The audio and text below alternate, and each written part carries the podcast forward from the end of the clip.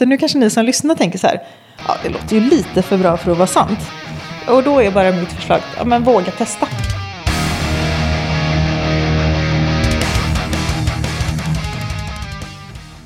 Yes, då är det Rockpodden som tuffar på en vecka till. Som det ser ut nu så blir det här det sista ordinarie avsnittet på den här vårsäsongen. Det kommer inte att bli tyst dock i Rockpoddens feed. Det törs jag lova. Det kommer hända grejer, men eh, kanske inte sådär riktigt normala, klassiska avsnitt i det avseendet. Nåväl, idag så träffar vi Linda Holmgren. En fantastiskt spännande kvinna som har gjort en himla massa olika saker i musikbranschen. Hon har jobbat med management i många, många år. Sen har hon varit inblandad i lite festivaler och lite annat. Sen har hon också jobbat på Sami, vilket jag tycker är väldigt intressant. Nu för tiden är hon coach och jobbar med att coacha rockband till ännu större framgångar. Och där måste jag säga att jag tycker vi bjuds på en hel del riktigt, riktigt bra tips i avsnittet. Allt det där och en himla massa annat kommer vi att snacka om. Så innan vi drar igång intervjun så vill jag passa på att önska alla en fantastisk midsommar och en glad sommar. Men vi kommer ju som sagt att höras under sommaren, hoppas jag verkligen. Du lyssnar på Rockpodden avsnitt 186. Linda Holmgren är veckans gäst. Jag heter Henke Branneryd och jag önskar dig precis som vanligt en mycket, mycket god lyssning. Shoutout till Olof. Men ta upp micken så får jag höra hur det låter i den också. Absolut. Titta vad bra. Härligt. Nej, en shoutout till Olof. Olof bjöd bara på ett bakverk, men det var i och för sig otroligt goda frallor. Idag blev jag bjuden på fyra bakverk, fyra sorters kakor. Jajamensan. Otroligt gott alltså. Och jag älskar att den här trenden sprider sig. Så bra. Vad ska nästa gäst titta på? Det är ju det man undrar nu. Liksom. Hur tror- toppar vi det här? Jag kände redan efter Jörgen Sandströms paj att nu är den här trenden slut. Men det var den inte. Tji fick du. Ja, underbart. Linda Holmgren är som bjuder mig på eh, kakor. Precis. Välkommen till Rockpodden. Varmt tack. Hur är läget med dig idag? Jag är alldeles extremt superglad. Gud vad härligt att Ja, höra. Mm. jag var vaknade på så här, precis rätt humör och sen så började dagen med att coacha en person. Ja, men som blev på det där sättet som bara är så infernaliskt härligt när jag kan få en person att inse hur mycket hon eller han kan. Det är, ja, men jag känner att jag hamnat så rätt för den känslan är helt obetalbar. Det kan jag tänka mig är underbart. Och nu får jag träffa dig. Ja. Så dagen, jag skulle säga att dagen bara går uppåt. Det låter ju helt suveränt. Men ska vi börja berätta lite för folk, inklusive mig själv, riktigt vem du är? Eh, För även om många känner till dig så vet jag att det är många som inte gör det också. Du har jobbat i musikbranschen hur länge? Ehm, professionellt 14 år. Och figurerat i Mindre musikbranschen? professionellt. ja, men jag tänker så här om man tar med, eh, ja, men jag, jag har alltid älskat musik liksom. Mm. Och då var det roligt när jag var eh, 12 och bara bestämde med två väninnor att från och med imorgon byter vi stil. Och då var det liksom håret rakt upp, bara svarta kläder. Eh, och eh, ja, men från imorgon gäller det nya livet liksom. Men var det punk då du klev in i? Mer synt, men jag såg mer punk ut, men, men synt är det jag mest har lyssnat på. Eh, och då blev det ju liksom, ja men när musiken är sådär viktig så blir det ju ändå en stor dröm. Tänk om man skulle kunna få jobba någonstans. Där man liksom får vara nära musiken. Ja. Tänk att få betalt och jobba med musik liksom. Så då jobbade jag på ett spelställe i, eh, i Göteborg. Eh, så, eh, ja, men så att om man räknar med sådär liksom, så har jag alltid haft ehm, I hela ditt vuxna liv i alla fall, nästan. Ja, Ja. det kan man nästan säga. Ja. Och sen har du haft lite olika stolar och roller genom åren. Mm, absolut. Ska vi beta av de, de stolarna du satt längst på? Och den jag definitivt har suttit längst på är ju management. Mm. Jag jobbar med P3 Lundén i eh, nio år på management.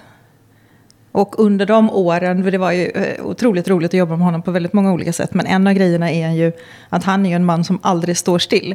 Så under de åren så var det ju, ja men vi jobbade eh, ett år med Jim Morwood till exempel, en engelsk agent. Eh, Vi jobbade med Janne Kleman och Hanse Friberg och liksom med deras bokningar. Så att, ja men vi Till gjorde väl... alltså. Ja, precis. Ja. Och lite andra grejer. Men, eh, men det var väldigt roliga år eh, på väldigt många olika sätt. För det var liksom inte nio år i samma roll Eh, Utan att vi gjorde väldigt, väldigt mycket olika saker. Men du skvallrade lite innan här om att du ändå har dragits till rock och hårdrock. Även om det fanns fler genrer att välja på. Ja, men för mig har det alltid varit just det här att jag... Dels älskar jag att hårdrockare, om man generaliserar. Om man har på sig t-shirt och jeans och har en öl i handen och det är ett bandnamn på tröjan, då är livet maxat. Och jag, bara, jag älskar den, eh, det sättet att njuta av livet. Det, är Och- enk, det enkla. Ja, men det är Ja. ju så. ja, Jag tycker det är så himla fint. Liksom. Och sen var det ju då eh, när jag jobbade på valvet där när jag hade min mohikan och mina svarta kläder och liksom ganska tydligt inte eh, var hårdrockare. Så var jag så himla stressad när jag skulle jobba min första kväll och det var två hårdrocksband som skulle gigga. Och jag tänkte bara, hur ska det här gå? De kommer ju inte gilla mig. Vad hade du för roll den kvällen? Jobba i baren. Ja. Så det var väl i och för sig en ganska tacksam roll då. Men, eh, men, men det var ändå sådär när jag insåg att ingen brydde sig ett spår om hur jag såg ut. Jag var en trevlig person. Som gav dem öl. ja, men så här, och då räckte det liksom. Ja. Och, och det är... eh, ja, men det, det, jag tycker det är så... eh, ja, men jag har känt det hela tiden. Liksom. Och sen var, hade jag ett annat jäkligt roligt jobb när jag fick eh, utmaningen att... Eh, skulle du kunna tänka dig att eh, bygga upp en camping och vara chef över den när den är igång under Getaway Rock? I Gävle. Mm, precis. Just, ja. ja. Och då var det också så här, jag bara, hmm, vad kan jag om bygga camping? Exakt ingenting. Vad kan jag om att chefa över en camping? Exakt ingenting. Men publiken kommer ju vara mina favoriter. Och då tänkte jag så här, okej, om någonting går helt snett, då kommer jag ju ha bara kärlek och st- stöd i ryggen. Så då kändes det som, ja, det är klart jag kan göra det. Otroligt bra förtroende för hårdrockare. Alltså. Ja men, jag, ja, men det var verkligen så här. Och så, liksom, ja, men jag hoppas att det hörs hur genuint det är. Liksom, för att eh, det... Ja, men samma sak under mitt senaste jobb som jag hade nu, där jag jobbade fyra år, så jobbade jag ju som eh, ansvarig för artistrelationer på Sami. Eh, upphovsrätt för de som inte känner till det. Eh, och, eh, och då var det samma sak där. Vilka tackade alltid mest för att man försökte hjälpa dem att få sina pengar? Vilka tackade alltid mest när man höll på att tjafsa om hur de skulle slippa betala extra, så här, bli dubbelbeskattade? Jo, det var ju alltid liksom. Om man så skickar så här glada bilder eller skickar så här liksom tack och... ehm, ja, men får jag dra ett skönt minne därifrån Absolut, förresten?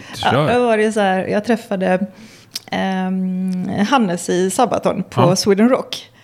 Och hade, ja, vi hade så svinroligt verkligen. Ehm, och så hjälpte jag honom med lite grejer. För ofta som jag snackar lite med någon så kan jag ganska snabbt förstå om det finns någon chans att få lite extra pengar någonstans. Och jag menar, de är ju extremt duktiga på administration. Men det var ändå en grej med att han hade bytt namn och vad det var.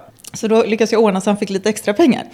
Eh, och sen så skickade han till mig efteråt en bild. För vi hade kommit på att både han och jag gillar att odla. Så då hade han bara köpt grejer till sin trädgård eh, för de pengarna. Så då kom det en så jävla skön bild på allt det här har jag odlat liksom, tack vare det som du hjälpte till med. Och så använde jag, eh, eller visade den bilden för mina kollegor för jag blev så himla glad. Och då var det första en av mina kollegor sa, och självklart står det en flaska whisky i köket. Vad annars? Men det tyckte jag också var så här skön på temat enkel livsglädje. liksom. Ja, underbart. Vad odlar Hannes von Dahl för något? Eh, han odlade mm, eh, lite olika sorters potatisar och ja, det var, jag kommer faktiskt inte exakt ihåg, men Nej. det var så här skön, eh, skön eh, bild. Härligt. Men du, du bara sprang förbi Getaway. Hur gick det med campingen? Eh, det gick underbart bra. För vilket år i historien var det här? Alltså jag år, det var Getaways andra år. Jag är ingen bra på år alltså. Men det var inte det året som regnade bort Nej. fullständigt? Det skulle kanske kunna vara åtta år sedan, Ja. nio år sedan kanske. Nej, jag, kan, jag vet bara att ett Eh. år regnade bort totalt. Ja. Du var Nej, i, en av mina skönaste var ju då, för jag tänkte ju så här, vad kan gå mest åt helvete här? Och då tänkte jag, el låter ju som en grej som kan gå ganska Ja. mycket fel om det går fel. Liksom. Och då kom jag ihåg den där sköna när det hade kommit några och parkerat sina husvagnar. Och så kom det två eh, sköna killar gående. Och de bara, vet du vad, vi har ingen el i vår husvagn, ska det vara så eller? Och jag bara, nej. Och så tog jag min fyrhjuling som var min bästa arbetskompis och så körde bort dem. Eh, och då kunde jag, eftersom jag hade ju byggt hela elsystemet, så kunde jag, men ni har ju kopplat fel. Ni har inte kopplat in det på rätt. och det var så jävla skönt när du vet att möta deras blick. När de bara, den här tjejen från stan, Hon kan har hon el." styrt upp så vi har el i vår husvagn? Liksom. Ja. Det var ju för jäkla skönt. Det, nej men jag fick verkligen det stödet, för det hände en riktigt jobbig grej på slutet. Eh, där bland annat Olof Wikström, för att ta en parallell till dig. Mm. eller en parallell här till början också. Eh, ja, men hjälpte mig också. Var liksom, och det var en massa andra personer också som ställde upp och var ja, men precis så där som jag hade tänkt att det, att det skulle bli liksom, om det hände någonting. Mm. Men det, det blev bara ett gästspel som campinggeneral? Ja. Mm. Sen bytte de jägare. Ja, just det. Du skulle ha sålt det vidare till någon annan festival. Det finns många festivalcampingar. det kanske kan bli något nu då. Sabaton behöver ju en ny. Nej, jag... Ja, men just det, hur går det med det? Nej, de har i alla fall bett den campingen att dra åt helvete, vet jag. Ja, men just ja, ja, men det Och skulle starta en egen till nästa ja, år. Ja. Absolut. Uh, Okej, okay, Sabaton, om ni hör det mm. här mm. så vet ni vart ni ska vända er. Yes. Mm, inga problem. Nej, kanon. Uh, ja, management sprang vi också bara förbi. Ja, ja, men vi... lite vilka band ändå. Ja, men ett band som jag har väldigt mycket härliga minnen till är ju Haunted som vi jobbade med i väldigt många år. Um, Turbonegro tänker jag gärna så här mm. eh, skönt och men otroligt sköna karaktärer också. Verkligen. Det, ja, vad kan mer vara roligt? DAD eh, tycker jag ju själv är, är ja, men, eh, ja, men jag bara tänker på så här, minnen man får upp liksom. Mm. Ja, men när man varit i Danmark och kollat på när de har giggat och sådär. På tal om härlig glädje.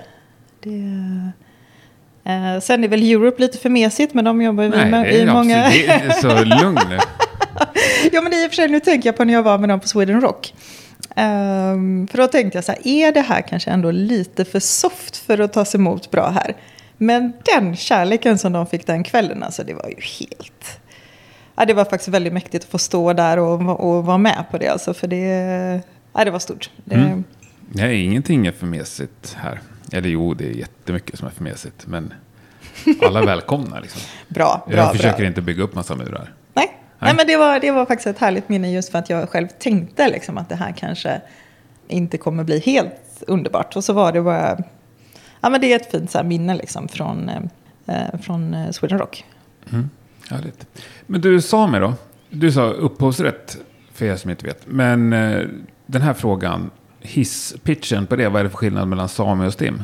Precis, ja, men det är jättebra att du tar upp det. För det är ju en sak som faktiskt nästan ingen vet känns det som. Um, från STIM så får man ju pengar när man varit med och skrivit en låt. Och från Sami får man så fort man hörs på en låt. Så alla som har varit med och hörts på en låt, även om man bara spelar liksom ett ackord eller uh, sjunger en jättekort grej, så har man ändå rätt till en del av pengarna på låten. Otroligt lite dock va? Det beror på. Om det, nej men det, det, här är faktiskt ändå rätt så kul. För det var en grej som jag jobbade väldigt mycket med när jag var ute och snackade om det där. Ett av de, eh, eller två sköna exempel är ju en tjej som har varit med och körat på två låtar. Um, som fick typ en halv miljon. En kille som bara varit med på tre låtar ligger också svinhögt på att fått pengar. Liksom. Så att en sak som jag jobbade med väldigt mycket där, för jag upp, upptäckte det när jag började jobba där, att vilka fördomar är det jag jobbar mot här? Och då var ju den första att eh, Sami upplevs som en grå, stel myndighet. Och så kommer jag där, alltså jag har ju rätt mycket glad energi om man inte ska överdriva alls. Uh, och sen, så det var den ena fördomen som ju var ganska lätt för mig att jobba mot eftersom mm. att jag tänker att jag inte ger intrycket av att vara liksom en stel statstjänsteman. Och det andra var ju att det är ingen idé att engagera sig för man kan aldrig få mer än fem spänn. Och det var ju väldigt härligt varje gång jag hjälpte någon och fick dem att fatta att de faktiskt kunde få mer pengar. Och också just internationellt att man inte så fort en låt blir stor internationellt så blir det rätt snabbt pengar. Och det är väldigt många som inte har fattat det. Och så blir det så här, när jag har varit ute och föreläst till exempel, så brukar jag alltid fråga så här, okej okay, jag fattar att så här, om ni ska göra en topplista på det ni har mest passion för i livet, så kommer ju musik vara högst. Men är det någon här i rummet som har administration på andra plats? Och då är det ju max en i varje rum som sträcker ja. upp handen. Och då brukar jag alltid just lyfta dem och säga så här, du kommer ha så mycket fördelar i din karriär. För att du har det benet också. Liksom. För att även om vi leker med tanken att det inte blir några pengar så är det fortfarande en minimal insats för att det kanske kan bli pengar. Och den tycker jag är fin. Att, mm. eh, för du har ingen aning om, om men ett roligt exempel som var när jag, även om inte det är rätt genre här, men ett roligt exempel när jag började där bara för att förstå. Eh, då hade ju Madonna samplat en bit av en ABBA-låt.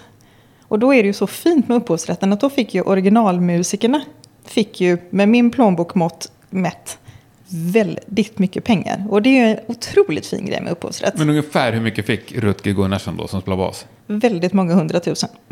Är det sant? För en sampling på en ABBA-låt? Det är ju, ja. Mm. Kul att du nämnde honom förresten. Ja, må hans eh, minne vila i frid va? Mm, verkligen. Nej, jag gjorde hans arvsärende näm- nämligen. Det var därför gjorde du för som- Sami jobbar ju, en annan fin grej med upphovsrätt är att man får ju pengar även efter man har gått bort. Mm. Och då behöver man ju reda ut arvet runt det. Så just för att ta Rutger då, det var därför ja, jag har hjälpt hans igen. arvingar väldigt mycket. Okej. Eh, Så det, ja, men det är faktiskt en annan grej som jag tycker är viktigt med att tänka på med upphovsrätt. Om du ska försöka sälja in att folk ska pyssla med det. Nej men gör det gärna. Så, alltså. Kör. eh, ja, men så tycker jag just att om, om vi tar liksom till exempel alla sådana här olika tv-program som har varit det senaste.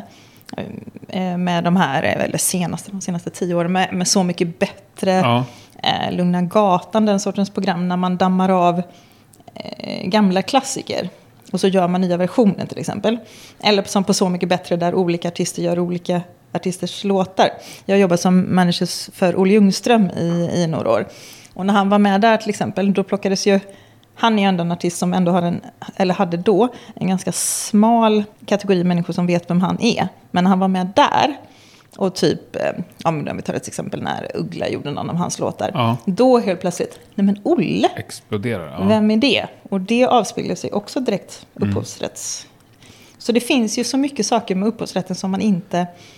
Det går inte att gissa innan hur det kommer bli. Nej. Och därför brukar jag ju peppa folk med fyll i direkt, för då vet du vilka som var med. Det kommer inte vara någon meck att få reda på deras kontaktdetaljer och sådär. Och så har du liksom, i den bästa världen får du pengar. Men gissningsvis, om det släpps eh, 100 album i månaden i Sverige, hur många av dem är Sami-registrerade, alltså alla musiker? Nu ler jag nog ganska konstigt. Ehm, för jag vågar inte ens gissa, men den siffran är jättelåg. Men det är 10 procent? Det är ju jättesvårt att veta för att eftersom vi visste ju aldrig vad som släpps. Det går ju inte att hålla reda på allt som Nej. släpps idag. Ja, jag vågar inte säga någon siffra, men den är låg i alla fall. Ehm, Men går det här att göra i efterhand då? Hur långt efteråt? eh, ja, preskriptionstiden i Sverige, i Sverige är ju tio år. Så att om du, har, om du kom på att du var med på en platta för nio år sedan, då, har du ändå, då kan du anmäla det nu så ligger pengar och väntar. Och hur gör jag då? då? Då går du in på Samis hemsida Ja. och så kommer du njuta väldigt mycket av hur enkelt och smidigt deras system är nu för tiden. Men måste jag kontakta liksom upphovs...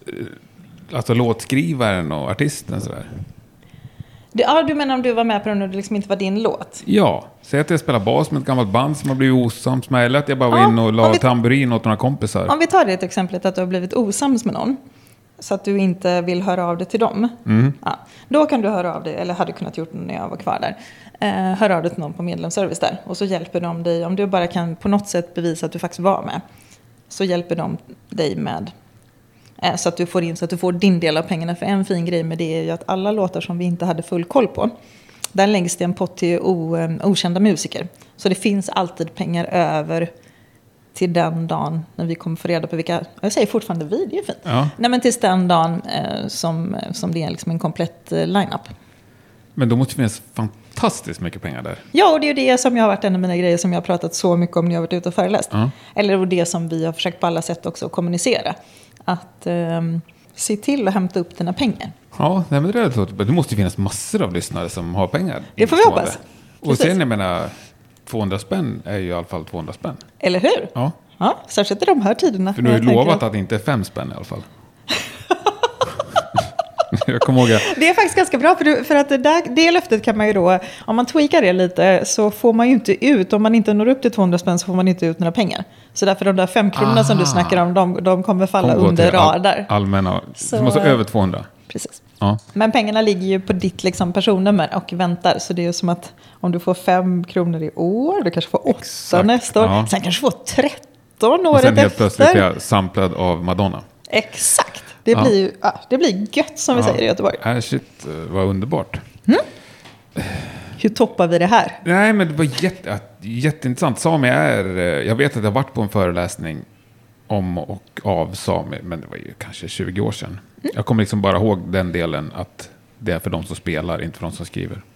För att bara avsluta det lite så är ju en sak som var jättehärlig under de åren som jag jobbade där var ju att eh, systemet blev så otroligt mycket bättre. Så att om du spelar in, eller någon som lyssnar spelar in en låt där alla redan är medlemmar på Sami så tar det liksom ja, det, om du säger att det tar två minuter att regga en låt har du varit rätt seg i ditt knappande. Liksom. Ja. Det är supersmidigt för du fiskar bara upp personerna ur systemet. Så du behöver inte ha koll på deras liksom, mejladress. Men är det lika till alla? även om jag spelar trummor eller spelar tamburin i en refräng? Eh, ja, om du har de två rollerna är det samma. Eh, men man kodar in sig beroende på vad man har bidragit med. Så den koden på de som du sa nu är musiker då. Ja. Men sen om vi säger att du är stjärnan på en låt eller att låten är featuring Henke. Stjärnan? Eh, alltså den namnet utåt. Ja, okej. Ja. Då- Då, är, då får, blir du ju eh, kodad som solartist Mm. om det är ditt. Men inte bara om jag sjunger i ett rockband? Eh, nej, då är man ju oftast en grupp, så då blir man kodad som grupp. Ja. Så, men det är också så supertydligt, man kan liksom bara välja ett alternativ och då väljer man ju det man är. Så att det är inte heller så här, man behöver inte sitta och fundera på så här om, är jag med i gruppen eller inte? Det är oftast ganska, det är oftast ganska, ett ganska givet svar. Så det tror jag inte att många kommer tycka är så klurigt. Ja. Ja. Och har du spelat tamburin, då är det, alltså, då är ju musiker. Så att, och om man har några frågor är det bara ringa och fråga. Ja, absolut. Mm. Jag tänker det finns ju en liten gråzon där. Sådana som heter liksom Linda Holmgren and the Sofas. Precis. Eller så heter de bara The Sofas. Det kan ibland vara exakt samma Ja. sak. Men om man är det minsta lilla tveksam, Då då, ringer man till Sami och, inte, och då ringer man till Sami och inte till mig, så kan man säga. Ja, just inte dig längre. Men du kan vidarebefordra. Däremot om man vill bli coachad till att känna att administration, det är min nya grej. Ja. det är där jag kliver in då. Ska vi landa där? För det är coaching du pysslar med nu för tiden. Precis. Men inte enbart av musiker eller? Nej, det är det inte. Men jag tycker att, eh, ja, men bara för att det känns fint att tacka Jerry Prytz eh, som skrev artikeln om mig som eh, Sveriges första rock'n'roll-coach. Eh, så är det ju en fin, för även om den personen som jag träffar inte är en artist eller musiker så gillar jag att få människor att fatta vilka stjärnor de är. Och få dem liksom att lysa som sitt starkaste jag. Och jag har döpt mitt bolag till Beyond Imagination för att jag tycker att ja, men nästan alla människor jag har träffat i alla fall vågar ju inte drömma tillräckligt stort. Och jag gillar det. Liksom. Hur, kan du, hur kan du bryta igenom din egen, dina egna föreställningar? Om vi går till mig nu till exempel. Så hade jag ju fattat när jag, när jag började med det här. Att ja, men dels vet jag ju, jag älskar ju musik och liksom, jag har ju alltid, eller jobbat väldigt stora delar av mitt liv med att hjälpa musiker och artister. Så det var, det var ju en rätt given tanke. Och ändå, trots det, så tänkte jag inte tanken, men jag kan ju ta kontakt med någon journalist och se om de vill skriva om mig. Utan det var ju Jerry som kom till mig och sa, jag har en idé. Och det är ju spännande sånt att min fantasi lyckades inte få mig att tänka tillräckligt stort. Och, och det, är ett, det är ett rätt skönt exempel på, jag menar, nu har det här blivit alltså, så mycket uppmärksamhet som den här artikeln har fått. Det är helt sinnessjukt. Och så mycket roliga snack som jag har haft de senaste, vad det nu är, dryga veckan liksom, med olika artister. Och, och då blir det så härligt, jag gillar ju det så mycket. Liksom. Så att det har ju varit, eh, ja, men att han skrev det och att jag har fått ett sånt genomslag eh, har ju varit för mig helt fantastiskt. Liksom. Och nu sitter jag här Ja, Tack vare Kalle Scheven på Sound Pollution får jag passa på att skicka ett annat litet tack. ja, han tackar vi gärna och ofta Mm. i den här podden. Och jag brukar verkligen inte avslöja det, men det hör ändå till saken. För då öppnades den dörren efter att ha snackat med Jerry. För du, hörde du av dig till mig, då ändå tänk, fick det dig att tänka vidare. Liksom. Vad Och kan för jag att jag göra? kollade med Kalle. För jag tänker, Ja. då kollar jag liksom med eh, folk som jag känner. Mm. Eh, och då tänkte jag, men då frågar jag Kalle, för jag tycker jättemycket om, eh, om honom. Så då frågar jag, men Kalle, fast du har ju varit i den här världen så många år, vem borde jag... Ja, men har du någon idé? Så här, vem, vem borde jag snacka med? Och då så föreslog han ju dig. Det tackar vi för. Blev det ju både kakor och trevligt. Eller hur? Ja. Bara, bara en sån grej. Ja. Men vad är det du tänker att du hjälper artister med? Eh, Det som jag tänker av alla erfarenheter som jag har så tycker jag att det skulle vara, eller som jag redan har börjat känna är väldigt härligt, att, att först träffa ett band som en enhet. Och så får de att prata igenom så här, är vi på väg åt samma håll? För det är ju ganska många, men en sak som jag gillade när jag lyssnade på ett av de här andra avsnitten var ju eh, när Olof började prata om, eh, om vad människor har liksom för hur musik påverkar livet i olika skeden. Ja, jag vet inte, han hade något roligt, han uttryckte det på något roligt sätt. Ja, men hur som helst. Vi säger att man är ett band, det går att prata med ett band exempel som har hållit på att spela ihop i 17 år. Och under de åren kan man ju vara ganska säker på att någon kommer bli våldsamt kär till exempel. Absolut. Någon kommer få ehm, ett barn. Eh, och då tror jag att det är väldigt ofta att man har, man har kört ihop många år. Eh, och så tänker man att det där, den där visionen och tanken som vi hade från början, den har vi fortfarande kvar. Eh, och bara att jag kan hjälpa dem att förstå, är alla på väg här åt samma håll? Om vi drömmer riktigt stort, vad har ni för mål framför er? Och sen så finns, har jag massa olika verktyg och tekniker för att hur man liksom öppnar upp för hur tar vi oss dit. Och en sak som är otroligt kraftfullt med att coacha är ju att det bygger ju på att jag ställer så finurliga frågor så att man själv kommer på svaren. Och bara höra sig själv säga lösningen Mm. är superkraftfullt.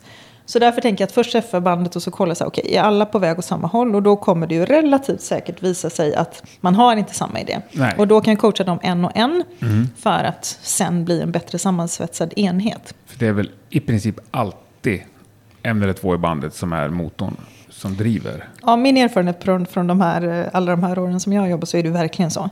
Och det kan också vara att en person är extremt dominant. eh, och då kan det vara svårt att säga emot. Eh, att man kanske har fått lite annat fokus i livet. Men så är det ändå så här. Det är svårt att säga högt att bandet inte är en största prioritet i en del i livet till exempel.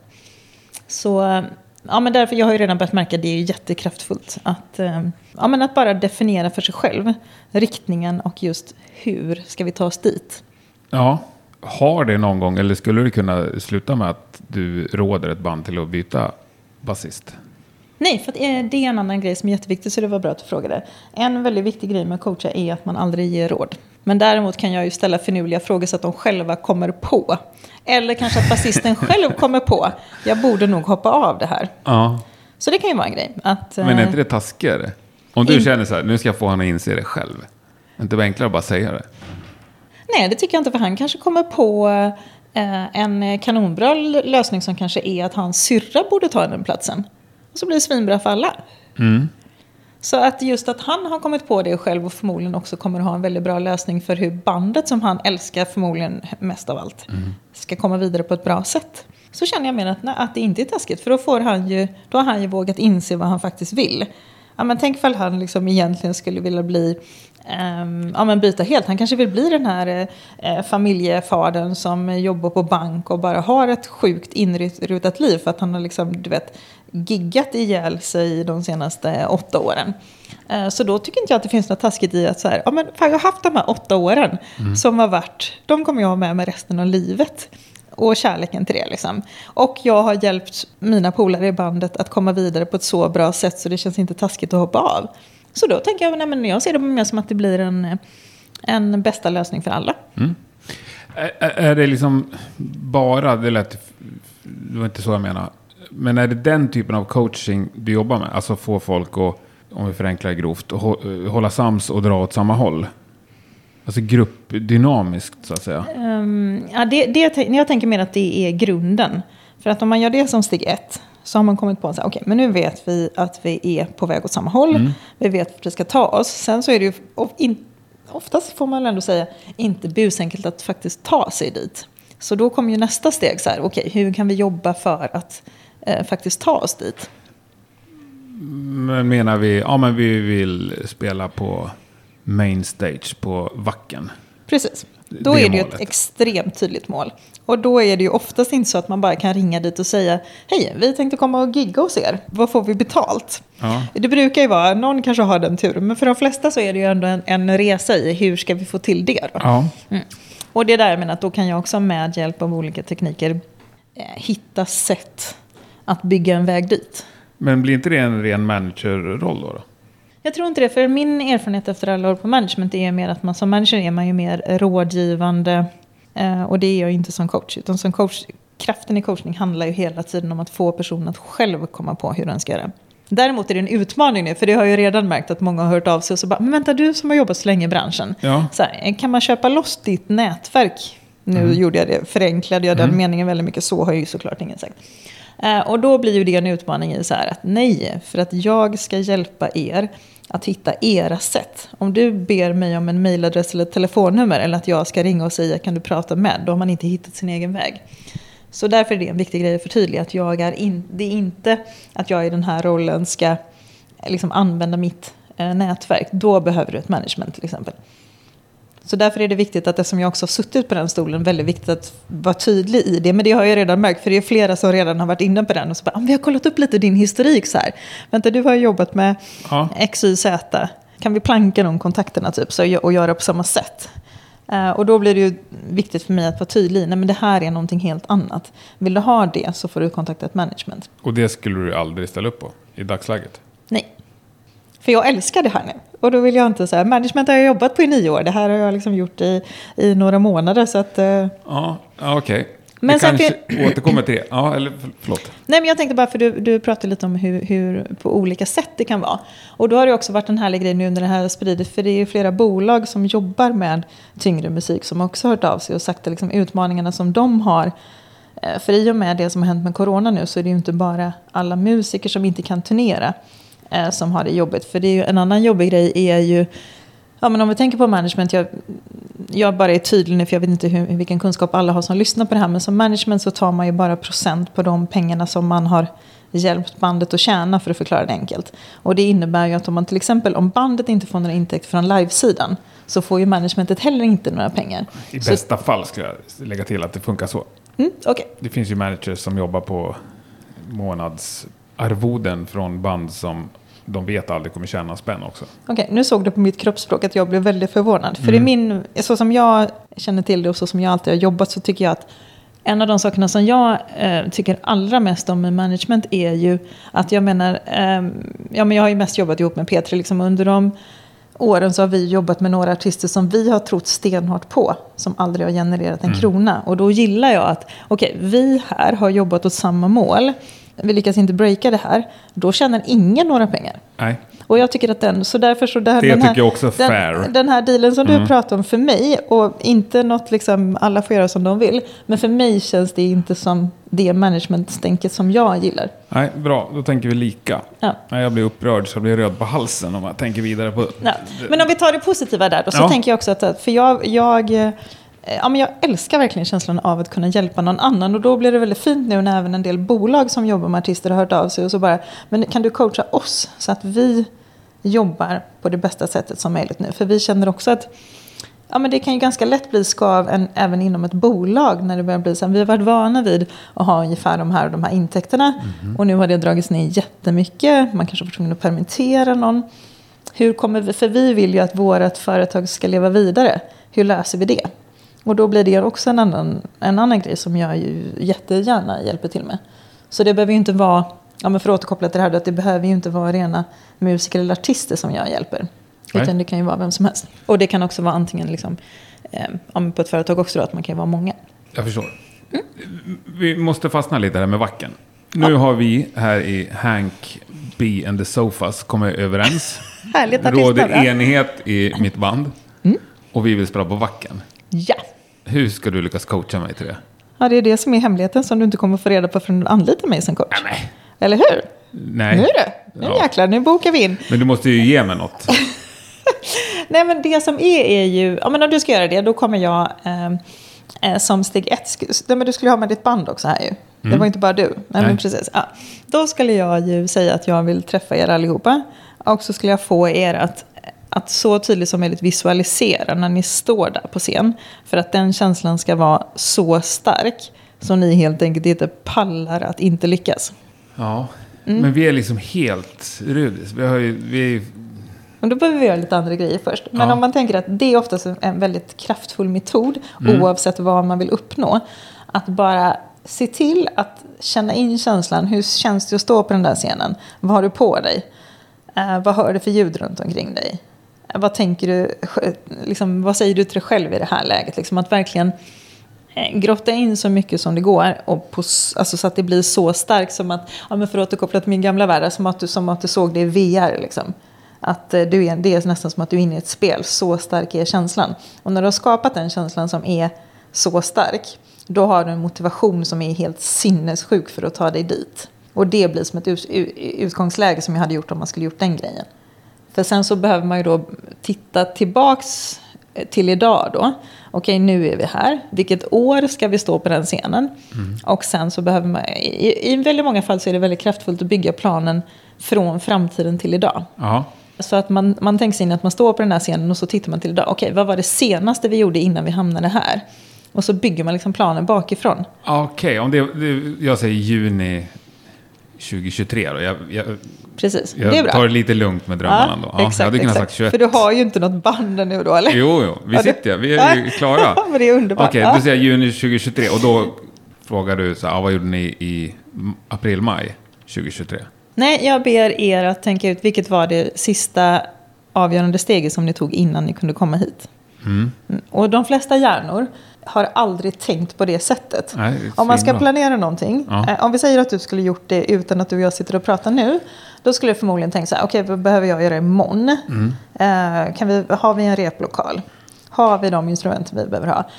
Eh, har vi, eh, ja, vad det nu kan vara för praktiska saker. Nästan all planering som görs någonsin handlar om att man tittar från idag framåt. Så bara att förvirra hjärnan på det sköna sättet att du, du visualiserar dig in stenhårt i det önskade läget som är att stå där på scenen. Och sen så tittar du från andra hållet. Det förvirrar hjärnan så att den eh, hjärnan är inte van vid att tänka så. Och det är mycket sådana saker som coachning handlar om. Att, att, att få bort hjärnan från sina vanliga invanda mönster. För vi är väldigt sådär, vi är väldigt inrutade i att ja, men hjärnan tänker ju mest tankar den redan har tänkt varje dag. Och Ja. dessutom så är hjärnan fem gånger mer fokuserad på problem och hinder än positiva saker. Så vi har ju liksom den här grejen som sitter här inne. Eh, Nu knackade jag på huvudet. Eh, Där kanske bäst att vara tydlig med det. Ja, det är bra. Jo, men den, har väl liksom, den jobbar väldigt mycket emot oss. Eh, och sen kan det också vara att man hamnar i... Eh, ja, men jag tänker att många band, om vi tar det exempel som du hade där nu då. Då kan ju det vara en första känsla som kan vara på det kan ju vara eh, paniken över corona nu. Vi får inte gigga en enda gång den här sommaren. Vi kan inte bygga en grund. Hur ska det här gå? Det blir väldigt lätt att, att det där drar igång. Liksom, och då kommer vi inte få in några pengar nu. Och hur ska det här gå? Eh, så för att ta det exemplet så blir det något helt annat när du ser det från den här svinhärliga framtiden och tittar åt andra hållet. Så blir det, jag, jag coachar dig en gång sen så ska du få känna efter hur... eh, Mm, gärna. Ja men bara för att... Jag måste hitta på ett mål bara. Ja men exakt. Ja, men de flesta människor har ju inte eh, kanske så stor eh, koll på vad det är att ha en coach till exempel. Så därför så har jag gjort som så att första gången kostar ingenting bara för att man ska få testa på. För då blir det också så här, okej i den bästa av världar, som jag känner mig rätt säker på då, så kommer du tycka wow. Det här är ju otroligt kraftfullt. Och om det inte är så, eller att man inte gillar mig som person, för personkemin är ju väldigt viktig. ehm, Då blir det så här, okej, men vi gjorde ett försök, det här var ingen bra idé. Och så delar man på sig, så är det ingen fara med det. Liksom. Så, att, så så jobbar jag hela tiden med att, ehm, att man ska våga testa på. Svinbra. Nej, jag, jag, eh, nu sa jag själv att jag måste hitta på ett mål. Jag brukar ofta fråga band om, vad, liksom, om de har några konkreta mål. Sådär. För jag blir ofta förvånad att band inte har det. Exakt. Ja men, det, ja men exakt, för jag har ju ändå träffat väldigt mycket band i mina dagar. Och det är ju en grej som är väldigt vanlig, att man till exempel, man vill vara ett band. Ja, så, ofta säger så här, vi vill spela så mycket som möjligt. Exakt, Okej, men vad menas med det egentligen? Är det fyra gånger om dagen?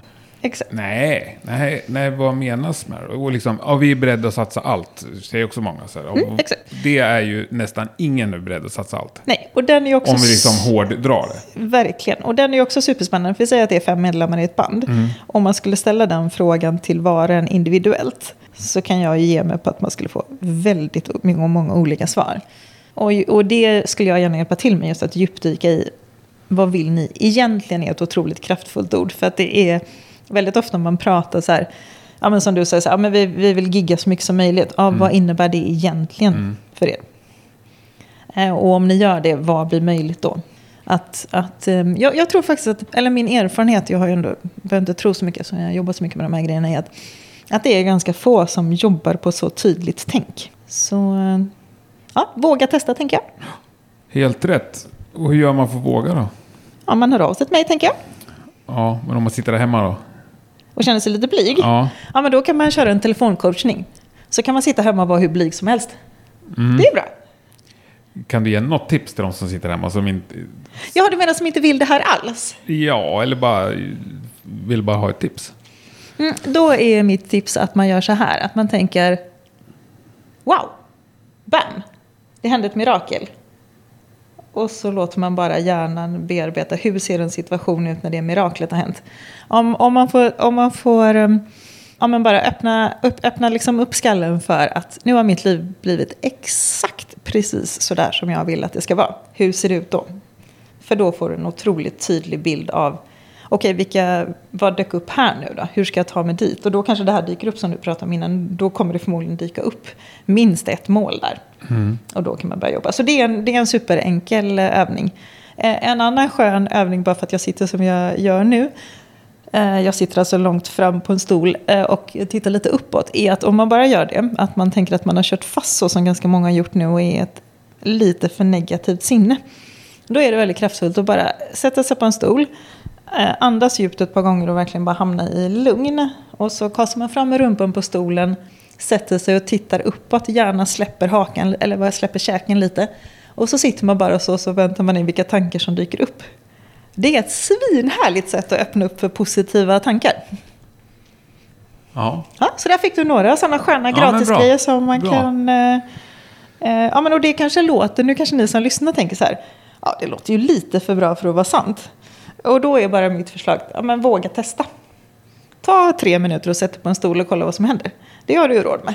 Mm, det har alla råd med faktiskt. Ja, men jag tänker att eh, ja, men lite sådana enkla grejer som de som jag sa nu kan mm. ändå, ja, men bara för att följa, okej okay, vad hittar min hjärna på när jag gör så här? För hjärnan är rätt kul när man börjar ja, man snacka med den och joxa runt. Mm, verkligen. Nej, men om vi fastnar lite där med gruppdynamik då, ska kalla det. Vad, vad definierar liksom en bra grupp för dig? Jag tänker att det är en grupp där man, har, eh, där man har tydliga roller och det behöver ju inte spela någon roll att en till exempel är väldigt dominant om man är med på det. Eh, men om vi tar ett band som jag jobbar med i många år utan att säga vilka det är. De hade ju som en grej att de delade på alla pengar rätt av i alla lägen. Ja. Eh, och det är ju jättehärligt när man börjar och, och det blir ju ett skönt sätt att ha liksom en väldigt demokratisk stil i bandet. Mm. Men sen efter ett par år när man märker att okej, okay, en person här driver nästan allt. En person eh, skriver nästan allting. Eh, en person gör nästan alla intervjuer, vilket ju är rätt vanligt. Då kanske det helt plötsligt inte är jättehärligt att ha den, den splitten. Men det kan vara rätt svårt att gå ifrån det när man har kört så de första två åren innan det hände så mycket. Mm. Så sådana grejer tror jag är ganska vanligt. Att man, att man, man har liksom vissa grejer som man bestämmer när man börjar spela. Och sen vartefter hur, hur karriären går så kanske de där grejerna man hade tänkt från början inte känns lika bra längre. Eh, och då tänker jag att en, en väldigt viktig grej där är ju bara att våga börja prata om det. Men det kan vara rätt svårt att börja prata om man bara är eh, de personer som redan känner varandra och som liksom vet hur man är eh, inifrån och ut. Då kan det ju vara ganska svårt att, ja men till exempel vem vem håller ordning på det här? Ska vi ha någon som för typ protokoll på det här eller sådär? Att det är rätt svårt att sitta och snacka och verkligen komma fram till grejer. Mm. Och har man ett management så kan man ju såklart um, öppna sig för dem. Men min erfarenhet är ju att väldigt många band inte har råd att ha ett management. Eller man gör den här svindumma, eh, det var en ganska tydlig värdering jag la på det, men att man så här, säger till någon polare som man tycker är en social prick. Kan inte du vara vår manager för du har ju så här skönt, eh, en skön personlighet. Mm. Den managern kan ju vara liksom världens trevligaste person. Men den kanske inte heller kommer vara den absolut bästa för att driva karriären åt rätt håll. Liksom. Um, så jag, jag, tror väldigt mycket på att ta in en extern part. Och en sak som jag redan har märkt ganska mycket är ju att eh, om, man, om man tänker så här, du och jag är ett band och så har vi problem. Eh, att vi skulle säga, ja, men vi går till en psykolog. Det känns ju som att vi, då är vi ju rätt djupt nere i skiten om vi erkänner det för oss själva. Men om vi istället väljer så att vi vill bara ha ett, ett framåtfokus och vi vill bara se till att allting ska bli så sjukt bra som det kan härifrån och framåt. Då är en coach mycket bättre för att en coach håller ju inte på att joxa runt i hur har ni haft det de senaste 15 åren? Hur hade du det när du växte upp? Alltså sådär. Som ju kan vara jättebra om man är i terapiläget, absolut. Men om man mer är så här, men vi, vi vill bara komma framåt, då är en coach ett bra alternativ, tycker jag. Mm. Men du är lite intresserad av varför jag kommer med mitt band och hur länge vi hållit på? Och... Ja, ja, definitivt. För det är jätteviktigt ja. för att förstå vilka ni är. Men det handlar ju fortfarande om den strukturen man är i idag. Ni, som vart ni vill. Liksom. Mm. Så att om ni hade liksom bråket från yttre rymden eh, på andra gigget så behöver vi inte grotta ner oss i det. Utan Nej, vi kan ju vara framåtfokuserade. Ja, men exakt. Eller, så här, eller att ni kanske pratar om så här, men vi har haft rätt mycket konflikter. När, vi, när det är de här situationerna så har det blivit historiskt sett en del mm. problem.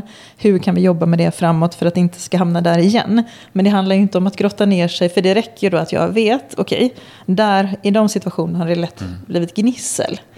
Men mitt fokus kommer hela tiden vara hur ska vi undvika att det händer igen. Inte att vi så sitter och pratar två timmar om gamla historiska saker som har varit knas. Liksom. Nej, bra. Så det är det jag menar, att det är en positiv framåt-anda. Du, du berörde en fråga här som jag har tänkt jättemycket på och många har pratat med mig om det, men dock aldrig i mikrofon. Nej, För det är väl känsligt antar jag, det här med dela på pengar och dela, ja. just som du säger, många delar liksom 25% var om man är fyra. Vissa så tar den som har skrivit alla pengar. Precis. Ge oss ett råd och en inblick i hur man ska göra. Som ett nytt band som släpper sin första skiva i september nu. Då ger jag rådet, eh, försök gissa hur stor arbetsfördelning ni, alltså hur, hur mycket timmar kommer ni lägga in i bandet? Och då man kan räkna ut att så här, okej, ju- nu generaliserar jag hjärnet, men det är ju väldigt vanligt att sångaren gör mest intervjuer till exempel. Ehm, ja, men om vi tänker att det är så, och så tänker man så här, det här kommer gå sjukt bra, det här som vi släpper nu kommer bli supersuccé. Eh, och så tänker man sig in i det, och så tänker man, okej, vem kommer vara, ja men lite att man gör som en, en Ja, men det kan vara olika i olika delar också. men att man kanske tar då, eh, ja, med rundsläppet så är det oftast exempel mycket intervjuer. Att man tänker sig, okej, hur kommer arbetsfördelningen vara runt det? Sen i livesammanhang kan det vara en helt annan grej. Där det kanske är någon annan som tar en mycket större del.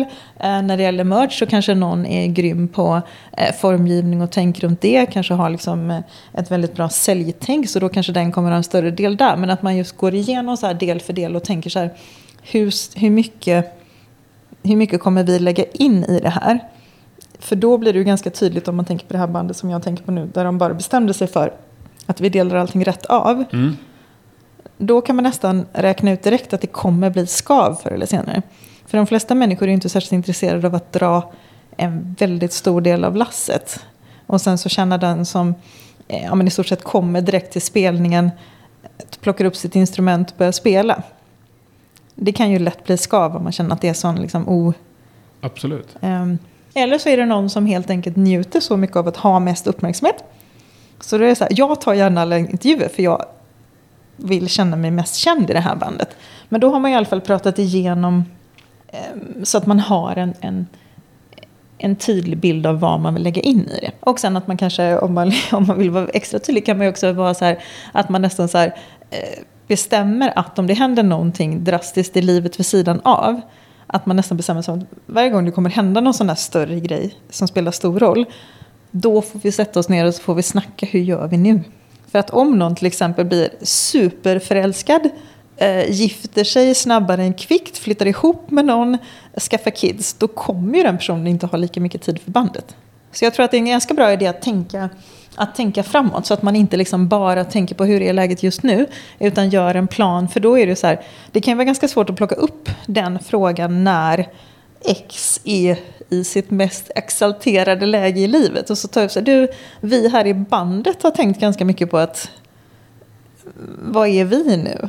Så att, att, att all, jag tänker att alla saker som man har eh, förplanerat och tänkt innan att man ska ha som fokus är bra. För då blir det inte känsligt sen när det väl händer. Nej, jättebra råd ju. Och du menar då att man räknar ut grovt hur många timmar man typ ska lägga i procent och sen så delar du pengarna enligt samma procent? Nej, det tänker jag inte att man behöver Nej. göra. Men jag tänker mer att då har man ju... Eh, ja, men om vi tar Stim till exempel. ehm, så har man ju en olika stor del av låten beroende på hur mycket man har bidragit med. Och då kan det ju vara ganska segt om man kommer på att... Vänta lite nu, på nästan alla... Om vi tar, vi tar en... en eh, eftersom, eh, om vi tar gamla klassiska albumformatet och så tänker du på de låtarna. Ja, det är 11 låtar säger vi. Och så är det en person som har skrivit alla texter och kanske 80% av musiken. Men du har den gamla dealen att vänta, men vi delar alltid lika. Då kan det ju lätt skapa ett skav. Att, Ja, eh, det kan det göra. Men det kan väl också skapa ett skav, tänker jag, med ett band som har kommit en bit, som spelar liksom 200 gig om året och bor i sin trasiga van. Och de kämpar och sliter och byter pangade däck på autobahns tillsammans, liksom, i regn och rusk, året om. Och så är det en som tjänar pengar den dag det börjar lyfta. Absolut, och det är därför jag menar att det är så bra att tänka igenom de grejerna innan. För att då har man ju redan eh, förberett det. Så, så det, det, det handlar ju om att, att få en bra bild av just vi, fem säger vi. Hur funkar vi som bäst? Hur und- undviker vi att det blir eh, skav?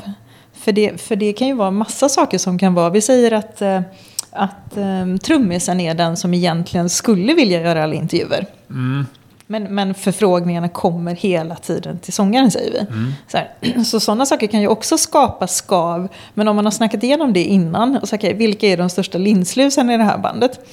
Eh, då kan man ju också försöka göra, om vi säger att trummisen supergärna vill det, okej, okay, vad hittar vi på för att trummisen ska få det utrymmet? Hur kan vi hitta liksom någon ja. vinkling? Ja, men nu tänker jag göra på Hannes, för jag tycker han är så jäkla skön liksom, i Sabaton. Uh, ja, men vad kan vi hitta på för att... Eh, Han ska få ja, synas. Vi, ja, ja, men eller vi tar liksom, bara för jag är från Göteborg, Micke Di tar vi till exempel. Ja. ja. men han har ju ändå hittat liksom ett sätt att profilera sig själv. Ja, men jag tänker att han vet ju typ, även om vi skulle gå ut och fråga hundra pers på gatan så vet ju folk vem han är.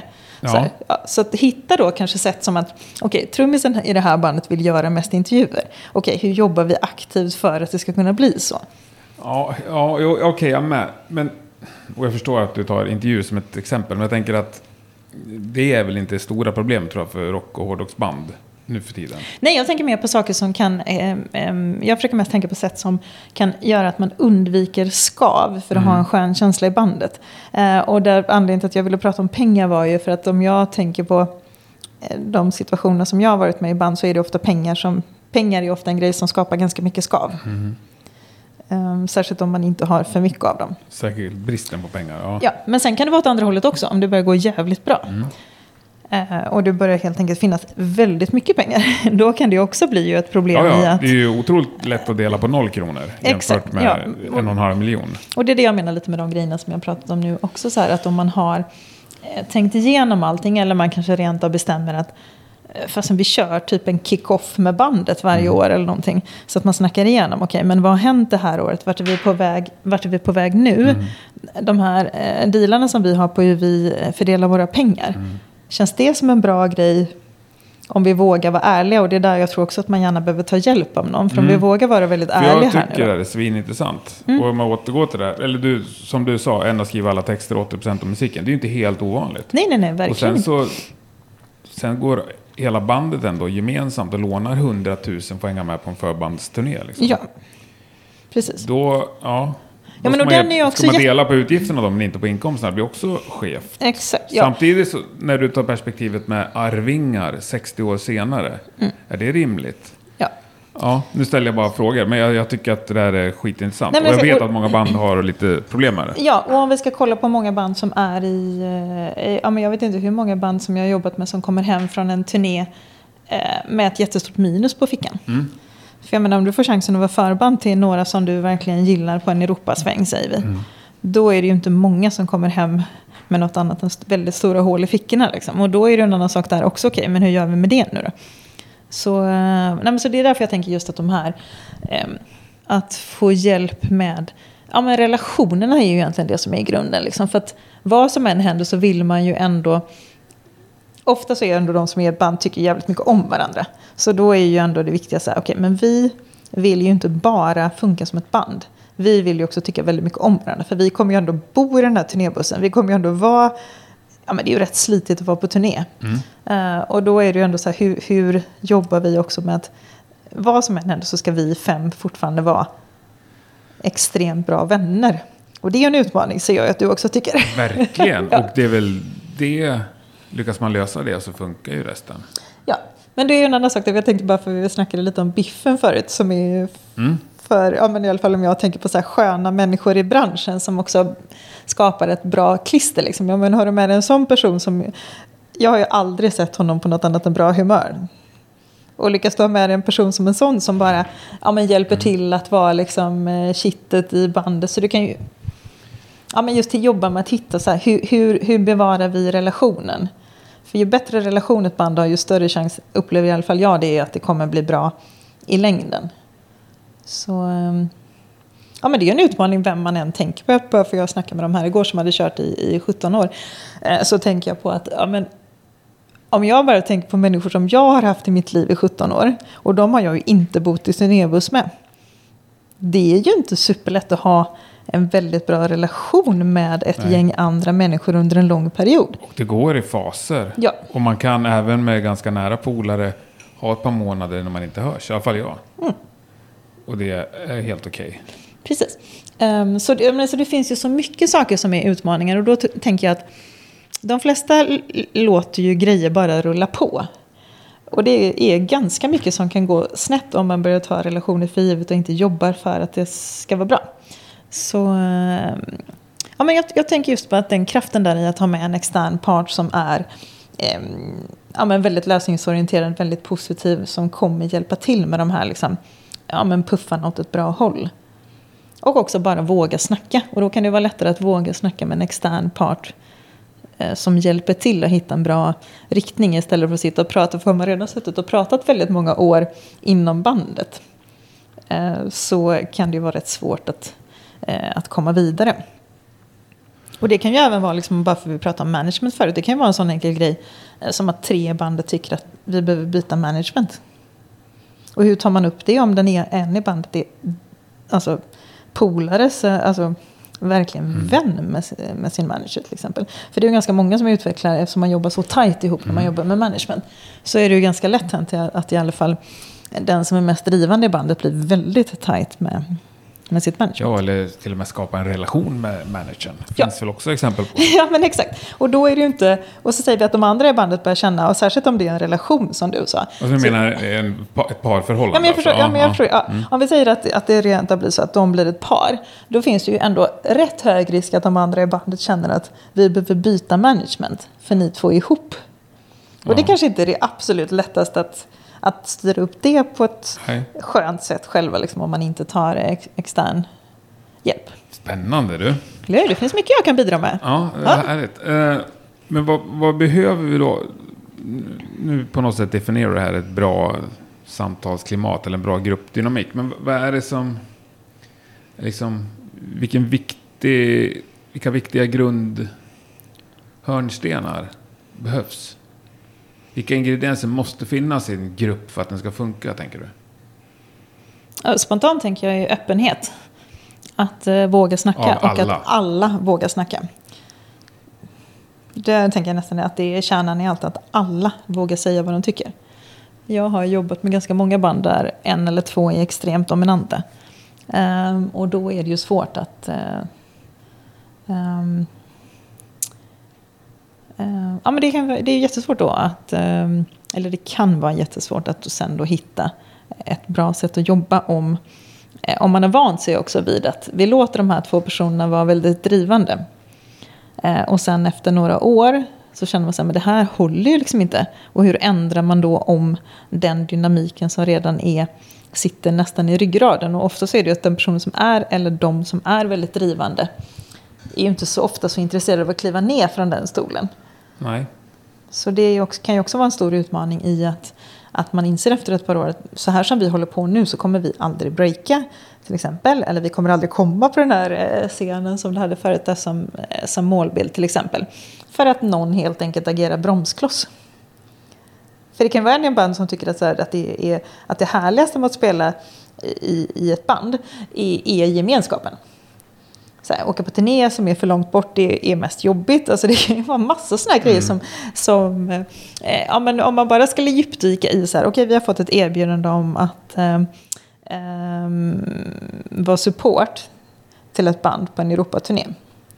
Inför det beslutet så är det ju väldigt mycket saker som jag tänker att man behöver snacka igenom och tänka igenom för att bestämma om det är en bra idé. Också för att det i nästan alla fall kommer vara någonting som kostar mycket pengar. Mm. Och då blir det ju ännu viktigare för att om du kommer hem med ett stort minus i fickan då vill det ju verkligen till att du kan hitta andra mervärden med det så att det känns ändå som att ja, men vi sålde svinmycket merch. Um, vi eh, fick göra mycket radiointervjuer. Eller liksom andra grejer så att man ändå känner att totalvärdet blir bra. Ja, men egentligen är det ganska kul för vilken situation vi än djupdyker i så är det ändå väldigt lätt att se hur mycket saker som lätt kan gå snett om man inte har en tydlig bild av vad man vill. Mm. Vad är det vanligaste som går snett, tänker du? Brist på kommunikation. Ja, och leder till vilken situation liksom? I vilken situation smäller det?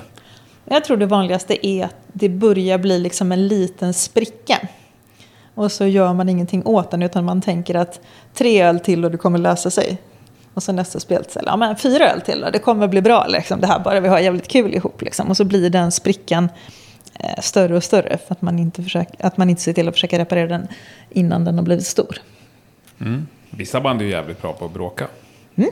Det kan vara en styrka också. Mm. Att man, eh, jo men absolut, det, det, kan ju definitivt vara en styrka.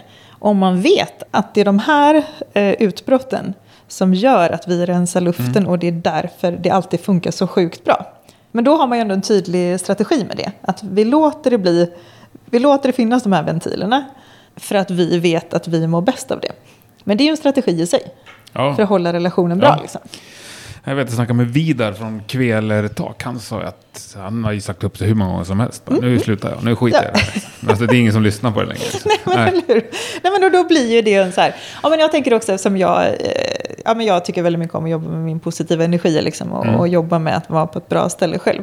Och då kan det ju vara den där grejen att, nej men vänta, han har inte sagt upp sig på ett tag, nu känns det inte riktigt bra här. Vi, vi saknar det liksom. För att bara om man tänker på att det genererar att man garvar mer, och det blir ett skönt shit i sig. Att I det här bandet har vi jävligt roligt ihop. Liksom. Ibland säger folk upp sig, men vi har ändå mycket glädje eh, i det. Liksom. Att det, det jag tror ju en av de viktigaste sakerna för att man ska funka bra som ett band är ju att man har kul ihop. Att det inte bara är vi är på jobbet. För några sådana band har jag också jobbat med när det känns som att det här är mycket, mycket mer ett företag mm. än ett band. Och då tänker jag att man i värsta fall tappar ganska mycket känsla. Verkligen. Ja. Ja. ja. vi nämner inga namn som Nej, vanligt. Nej, jag det... lyssnar inte på den typen av band kan jag säga. Nej, exakt. Ja, det ska vara typ att jag slår på någon Judas Priest då, och hur de har det, det har jag ingen inblick i. Men Nej. annars så inbillar jag mig att jag kan läsa det där. Ja. Det, ja. Men det är ju, tycker jag, höjden av depression. Att, eh, det måste ju finnas liksom, det måste finnas passionen för musiken. Det kan ju inte vara, liksom, om man tänker på alla de här eh, ja, men bara för jag tänkte på Sweden Rock och Hannes, vi hade ju sjukt kul när vi var ute och kollade på Queen ihop. Liksom. Bara för att det var så, ja det blev så mycket roliga situationer. Han skulle ta en selfie och så vände han kameran fel så han råkade ta en bild på de som stod bredvid. Och så var det en tant som blev så jävla sur. Så han fick sig liksom en rejäl utskällning. Och så blev det så himla roligt om jag visste, om du hade vetat nu att du, nu skäller du på han som mm. headliner turnén. Liksom. Eller den här festivalen var ju väldigt roligt. Men då i alla fall när vi stod där och kollade på dem så känner ju i alla fall jag, jag har ingen koll på vilka de är, men just att så här, vad är passionen i det här? Att det känns som att det är så många som, upplever jag i alla fall, som mm. man bara så här, okej, okay, hur tjänar vi pengar enklast nu? Ja. Och den tycker jag är så här, och då för mig blir det den här känslan det... av att det är ett företag och inte, ja, nej, jag inte ett band. Liksom. Och band som har blivit stora som faktiskt får schyssta erbjudanden om mycket pengar för att komma och spela. Så då finns det ingen drivkraft att säga nej. Nej, det är också precis för att man behöver liksom. pengarna. Ja, det är väl ABBA. Ja, exakt. Och svensk som faktiskt säger nej, bara nej. Ja, de, och så jag tror faktiskt att Kent aldrig, oavsett vilka pengar de blir erbjudna, så skulle jag nog tro att de aldrig det ser ut som du inte håller det med. Det skulle jag gärna vara dem ja, en öl. Ja, ja härligt. Okej, okay, absolut. Taget. Verkligen, och det var det gäller länge alltså? Ja, ja det 40 gäller, år pratar vi. Det gäller minst 40 år. Ja, ja, ja precis. bra. De kommer Härligt. stå på... Men vad satsar vi? En öl? Ja, lägg, du får lägga upp insatserna. Kan vi inte ta en hel kväll? en öl. Om 40 år pallar vi inte en hel du, kväll. nej, du har rätt. Okej, vi tar två öl då, så det känns som vi håller oss på någon mm. slags rimlig nivå. Ja, men det är skönt. Ja. Okej, två öl. Mm, absolut. Nej. Jag är på. Great. Ja.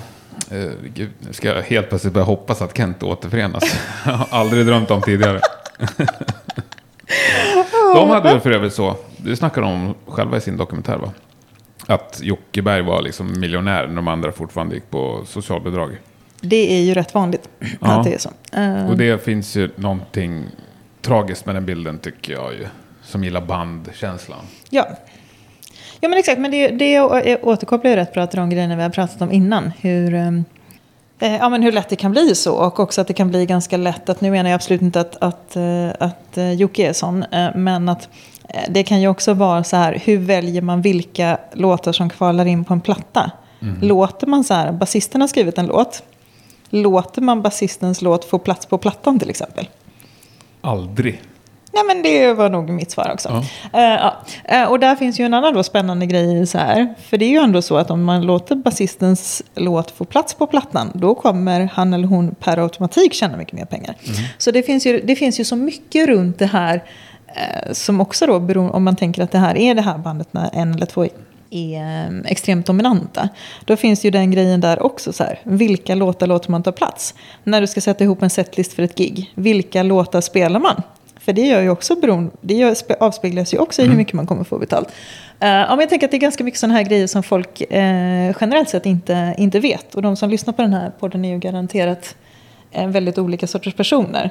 Så jag tror att just att den bakgrundsbilden, och det är här som jag också tänker att det blir en styrka. För man kan ju tänka så här, varför ska man anlita mig som coach? Världen vimlar ju av coacher. Och då finns ju en väldig fördel i det här att jag har ju väldigt bra koll på väldigt mycket stor, alltså stora viktiga delar i den här världen. Och till exempel det som vi pratar om nu har ju inte, om du och jag kilar ut och frågar några här utanför så kommer, det här är ju inte något som folk vet. Nej, nej. Så, uh, så ja, nej, det är mycket som kan uh, gå snett. Men det är också väldigt mycket som kan bli väldigt bra. Verkligen.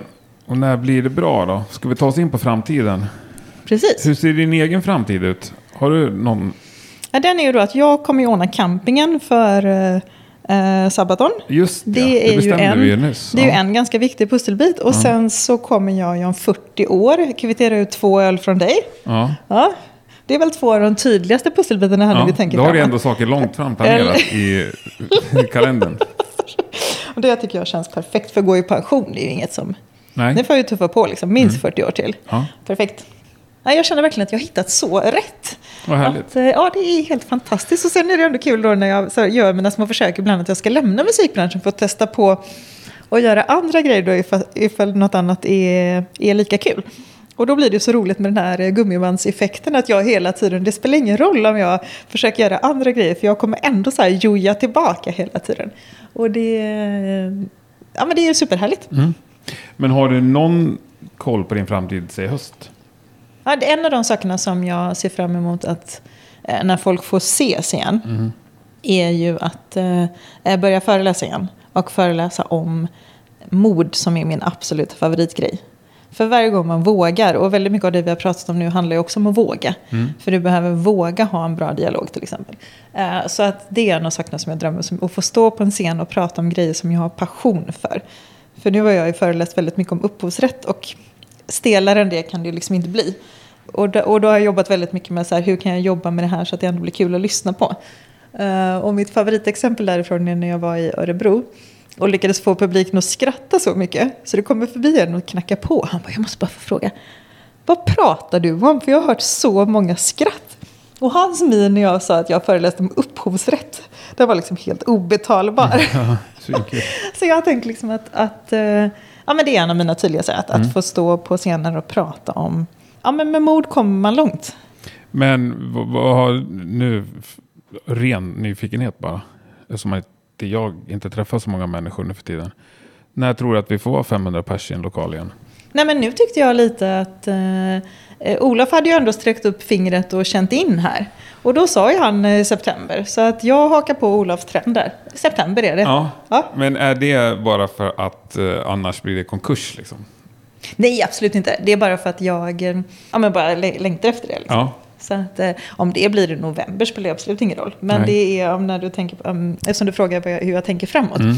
Så är ju ja, men både känslan av att få den här, ja men det är typ som ett uppåttjack varje gång jag hjälper någon. Alltså. Mm. Det, och så en, en sak som är väldigt kraftfullt med coachning är ju att, att personen själv alltid bestämmer saker som den ska göra som jag kommer följa upp. Och då blir det också, det blir en tydlig förflyttning som blir Eh, ja, men att folk får en sån skön känsla för sig själva. Att man bygger liksom både, eller att jag hjälper till att bygga både självkänsla och självförtroende. Som är ja, otroligt fint. Uh, så min framtid tänker jag att jag, ska, att jag vill kombinera det framåt. Att föreläsa och uh, fortsätta som jag gör nu. Det är både din dröm och din framtid så att säga. Precis. Ja. Nu kommer jag på en grej då, för jag gillar så bilder och då tänker jag att, att jag ska väl ha som målbild att bli tackad på någon platta. Den är bra. Har aldrig blivit det? Det måste jo. ha blivit. Jo. Jo, jo, det har blivit. Men, men jag har aldrig blivit i denna rollen. I egenskap av coach. Exakt. Den var bra. Den tar jag med mig. Okej, tydlig målbild. Jag ska bli tackad på en platta. Mm. Det måste ju vara... Ja. Nej, det, kan, det, det kan inte vara jag så svårt. ska inte värdera. Jag, I och för sig är inte jag coach heller, så jag ska inte värdera dina svar. Har du någonsin... Men det var inte det, var inte det högsta målet. Okej, okay, vi tänker så här. Har du någonsin sett en coach bli tackad på en platta? Men det, jag vet ju inte vad hälften av namnen, vilka de är. Liksom. Okay, men, uh, okay, men, men jag eh, kan däremot av egen erfarenhet veta att det kan behövas ganska lite för att få ett tack. Okej, jag, jag, jag hittar på något mer större mål Ja, men, men den jag. tycker jag ändå hade varit rätt kul. För jag har ju ändå hjälpt en del band med just att till exempel sätta ihop sådana listor. Jag har aldrig hört någon som vill tacka. Liksom. Nej, men det är ju inte så, Så- många band som har en coach än så länge. Nej, exakt. Nej. Ja, men den, jag bara kände spontant att den var jäkligt eh, skön. För då, ehm, ja men det är ju härligt med kvitton på, förutom otroligt fina komplimanger och sådär, så är det ju väldigt härligt med sådana här tydliga kvitton på att eh, jag har gjort stor skillnad. Mm. Så eh, ja, men jag har med mig den ändå. Det tycker jag. Ha Ja. med den. Eh, absolut. Ja, du, du, sista frågan som nästan alla får. Vet du vilken det är? Du som sa att du hade lyssnat på några avsnitt. Du, eller, Du ska väl ändå ställa den? eller har du stängt Eller? av innan dess? Nej. Kom igen nu. Sveriges mest underskattade band. Jag har inget bra svar. Det är dåligt. Eller hur? Ja, Svindåligt. ja. Mm. Har du något som du skulle vilja att det gick, eller du tycker är värda större framgång? Oavsett hur stora de är idag. Ja, det är många i och för sig. Men jag tycker faktiskt att det här är ju världens mest pisstråkiga svar. Och jag trodde aldrig att jag skulle bli så gammal så att det här skulle kunna hända. Nej. Eh, Men att det som jag upplever är så hopplöst idag är att det släpps så mycket musik så att man inte vet vilken ände man ska börja lyssna. Mm. Den tycker jag är helt... eh, Ja, men att det är så här, start, för när jag var liten då räckte det att man läste okej. Så hade man ju liksom full koll på allting. Ja, men på det som fanns då. Det fanns ju inte så mycket ja, då det fanns ju, oj, det, det fanns ju även musik utanför Okej. Jo, jo, men det var ändå man tänker på att jag kunnat ändra sig så sjukt snabbt. Liksom. Ja, men om vi tar bara den du frågade förut, då, så här, alla, alla plattor som, eh, som eh, släpps på en vecka, hur många av dem blir reggade hos Sami? Mm. Ja, och så tänker man bara hur många grejer som släpps på. Ja, ja, det är som, sinnessjukt mycket. ja, så att ehm, ja, jag går runt och funderar lite på den helt Ja. enkelt. Ja. Då ska jag ge dig ett råd. Mm. Börja med att lyssna på några. ja, absolut. F- Se inte liksom... Det är som inte se träden för... men heter det? Skogen för alla träd. Alltså, Ja. men ta, ta tre träd då. Ja. Mm, Ta tre nya plattor och lyssna på dem. För jag fattar att det finns tusen nya och det går inte att lyssna på alla. Nej, det gör inte jag, men jag har ingen, fått ingen några- hinner lyssna på alla. Men ta Jag har några. fått några tips genom att lyssna på dig. Ja, perfekt. Börja med dem och så mejlar du in eh, ditt svar sen. Perfekt. Ja, Mycket skitbra. bra avslut. Ja, men vi ses om 40 år då, eller vad säger du? Yes, det gör vi. Ja, 10 maj. Får vi se vem som är Palmes mördare den dagen. Jajamän, Jävla jajamän. besvikelse där va? Hängde de med på det? Nej, de som vet vet. Exakt. Stort räck- tack, Det sjukt trevligt att träffa dig. Tack. Stort tack. Hej. Där lämnar vi Linda. 10 juni menar jag förstås här på slutet. Det var ju då vi träffades och det var ju då Palmemordet fick sin icke-existerande upplösning. Ingenting annat. Så, stort tack för att du har lyssnat och eh, stort tack till Linda såklart för att du bjöd på ett eh, härligt snack. Då återstår det att se när vi hörs eh, nästa gång helt enkelt. Men håll utkik i din poddspelare eller på sociala medier. Något annat du ska hålla utkik på eller rent av gå in och trycka följ på nu, det är ju Rockpoddens underbara spellista som heter Rockpodden 10 000. Där är det bara svinbra låtar som har under 10 000 spelningar på Spotify som får vara med. Eftersom Linda inte hade något bra exempel på ett eh, svenskt underskattat band så bjuder jag på ett som faktiskt är hämtat ifrån eh, denna omtalade Spotify-lista. Det är den fantastiska eh, gruppen eller solopersonen eller hur det nu är som kallar sig Freedom. Eh, låten heter On the Wire och jag tycker det här är en musikstil som det var alldeles för länge sedan vi hörde någonting av. Ha det underbart så hörs vi snart igen. Tack och hej!